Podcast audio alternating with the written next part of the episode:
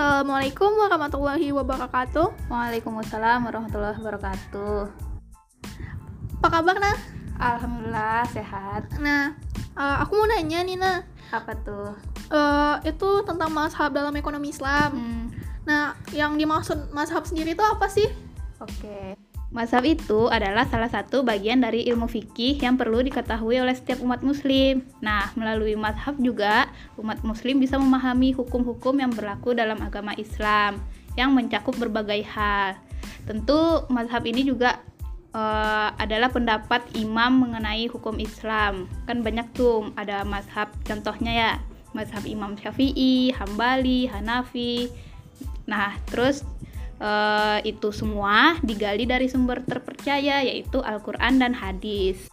Oh, gitu ya. Terus kok kenapa sih dalam ekonomi Islam itu juga ada mazhabnya? Mazhab dalam ekonomi biasanya tuh bertujuan untuk mengkritik, mengevaluasi atau mengkoreksi aliran-aliran ekonomi yang sebelumnya eh, dinilai nggak mampu menyelesaikan pers- persoalan ekonomi. Biasanya tuh di di ekonomi konvensional atau ekonomi umum itu juga ada alirannya kayak eh, aliran ekonomi klasik, neoklasik, marxis, historis dan lain-lain. Nah, di ekonomi Islam pun juga ada alirannya atau biasanya tuh disebut mazhab ekonomi Islam. Oh, gitu. Terus mazhab apa aja sih yang ada di dalam ekonomi Islam? Nah, mazhab dalam ekonomi Islam itu menurut salah seorang ahli di bidang ekonomi Islam asal Indonesia yaitu eh, Adi Warman Akarim membagi mazhab ekonomi Islam itu menjadi tiga bagian yang tiga bagian besar. Yang pertama ada mazhab Bakir As-Sadar, yang kedua mazhab mainstream dan ketiga mazhab alternatif kritis. Nih ya, Hana jelasin satu-satu. Yang pertama ada mazhab Bakir Asadar. Mazhab ini dia berpendapat ilmu ekonomi itu nggak pernah bisa sejalan dengan Islam. Kenapa? Karena menurutnya ekonomi ekonomi itu ya tetap ekonomi, sedangkan Islam ya tetap Islam. Keduanya itu ekonomi dan Islam itu nggak bisa disatukan karena keduanya berasal dari filosofi yang kontradiktif. Yang satu anti Islam, yang satunya eh, erat sama Islam. Menurut pandangan mereka, perbedaan filosofis ini berdampak pada perbedaan cara pandang keduanya dalam melihat masalah ekonomi. Menurut ilmu ekonomi yang sudah kita kenal, masalah ekonomi itu biasanya muncul karena adanya keinginan manusia yang tidak terbatas. Sedangkan sumber daya yang tersedia untuk memuaskan keinginan manusia itu jumlahnya terbatas. Nah, mazhab Bakir ini menolak pernyataan tersebut karena menurut mereka Islam tidak mengenal adanya sumber daya yang terbatas. Dalil yang dipakai adalah Al-Quran, sebagaimana dijelaskan dalam Quran Surat Al-Qamar ayat 49 yang artinya Sesungguhnya telah kami ciptakan segala sesuatu dalam ukuran yang setepat-tepatnya. Karena segala sesuatunya udah diukur dengan sempurna, sebenarnya Allah itu telah memberikan sumber daya yang cukup bagi seluruh manusia di dunia. Kemudian pendapat ini nih, yang keinginan manusia tidak terbatas itu ditolak. Contohnya nih ya, manusia akan berhenti minum jika dahaganya sudah terpuaskan. Oleh karena itu, mazhab ini berkesimpulan bahwa keinginan yang tidak terbatas itu tidak benar, karena pada kenyataannya keinginan manusia itu terbatas. Selain itu, semua teori yang dikembangkan oleh ilmu ekonomi konvensional ditolak dan dibuang. Sebagai gantinya, mazhab ini berusaha menyusun teori-teori baru dalam ekonomi yang langsung digali dan direduksi dari Al-Quran dan As-Sunnah, meskipun kita belum melihat hasil pengembangan teori ekonomi yang digali dari wahyu tersebut. Selain Muhammad Bakir Asadar, tokoh-tokoh mazhab ini juga ada Abbas Mirakhor, Bakir Al-Hasani, Kadim Asadar, dan lain-lainnya. Masih banyak lagi. Terus yang kedua ada mazhab mainstream. Mazhab ini berbeda pendapat dengan mazhab yang pertama tadi, mazhab Bakir. Mazhab kedua ini justru dia setuju bahwa masalah ekonomi muncul karena sumber daya yang terbatas yang dihadapkan pada keinginan manusia yang tidak terbatas. Nah, keterbatasan sumber daya memang ada, bahkan diakui oleh Islam. Dalil yang dipakai itu yaitu Quran surat Al-Baqarah ayat 155 yang artinya dan sesungguhnya akan kami berikan cobaan kepadamu dengan sedikit ketakutan, kelaparan, kekurangan harta, jiwa, dan buah-buahan. dan berikanlah berita gembira kepada orang-orang yang sabar. Sedangkan keinginan manusia yang tidak terbatas dianggap sebagai hal ilmiah. Dalilnya itu terdapat dalam dalam Quran surat At-Takasur ayat 1 sampai 3 yang yang artinya bermegah-megahan telah melalaikan kamu sampai kamu masuk ke dalam kubur. Janganlah begitu, kelak kamu akan mengetahui akibat perbuatanmu itu. Juga ada sabda Nabi Muhammad SAW bahwa manusia tidak akan pernah puas. Bila diberikan emas satu lembah, ia akan meminta emas dua lembah. Bila diberikan dua lembah, ia akan meminta tiga lembah, dan begitu seterusnya sampai ia masuk kubur.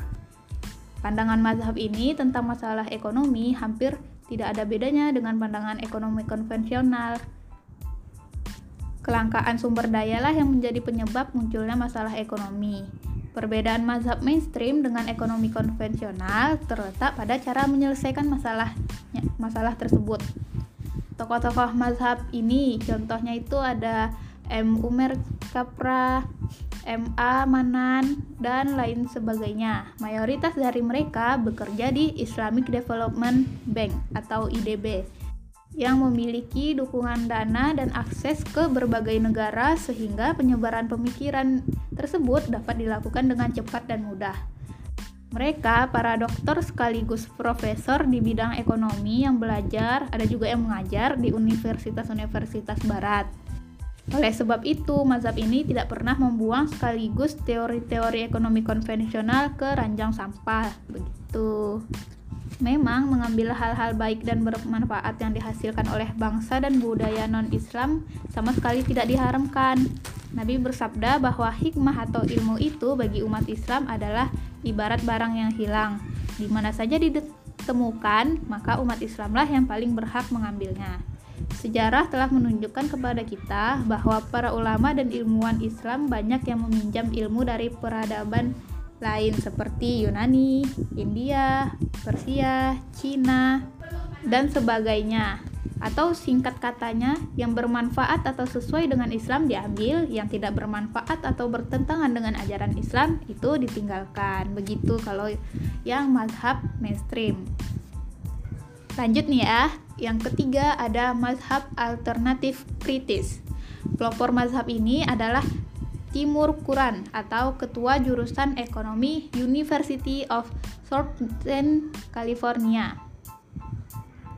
Terus ada Muhammad Arif, ada Jomo, dan lain-lain sebagainya. Mazhab ini dia mengkritik mazhab sebelumnya. Mazhab Bakir dikritik sebagai mazhab yang berusaha menemukan hal baru yang sebenarnya sudah ditemukan oleh orang lain, menghancurkan teori lama kemudian menggantinya dengan teori baru. Sementara mazhab mainstream yang kedua tadi dikritiknya sebagai jiplakan dari ekonomi neoklasik yang menghilangkan variabel riba dan memasukkan variabel zakat dan niat. Mazhab ini adalah sebuah mazhab yang kritis mereka berpendapat bahwa analisis kritis bukan hanya dilakukan terhadap sosialisme atau kapitalisme, tetapi juga terhadap ekonomi Islam itu sendiri.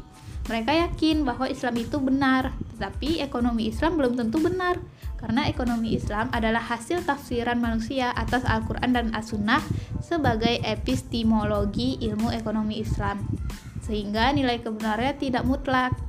Proposisi dan teori yang diajukan oleh ekonomi Islam harus selalu diuji kebenarannya sebagaimana dilakukan terhadap ekonomi konvensional.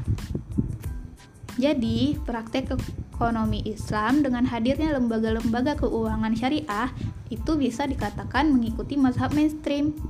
Lembaga-lembaga keuangan ada yang lebih dahulu dimunculkan ekonomi modern tersebut dimodifikasi sehingga bisa sesuai dengan prinsip-prinsip Islam. Kalau kita sadar sejarah, metode elektislah yang lebih tepat untuk mengembangkan ilmu ekonomi Islam itu. Artinya, ekonomi Islam itu harus berkomunikasi, berdialog, dan berhubungan dengan ilmu ekonomi modern yang memang sudah mapan, begitu.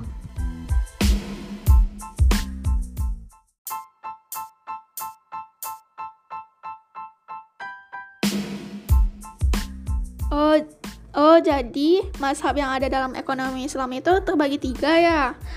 Mazhab Bakir Asadah, mazhab mainstream, sama mazhab alternatif kritis ya. Makasih ya, Nak, atas jawabannya. Iya, sama-sama Nada. Assalamualaikum warahmatullahi wabarakatuh. Waalaikumsalam warahmatullahi wabarakatuh.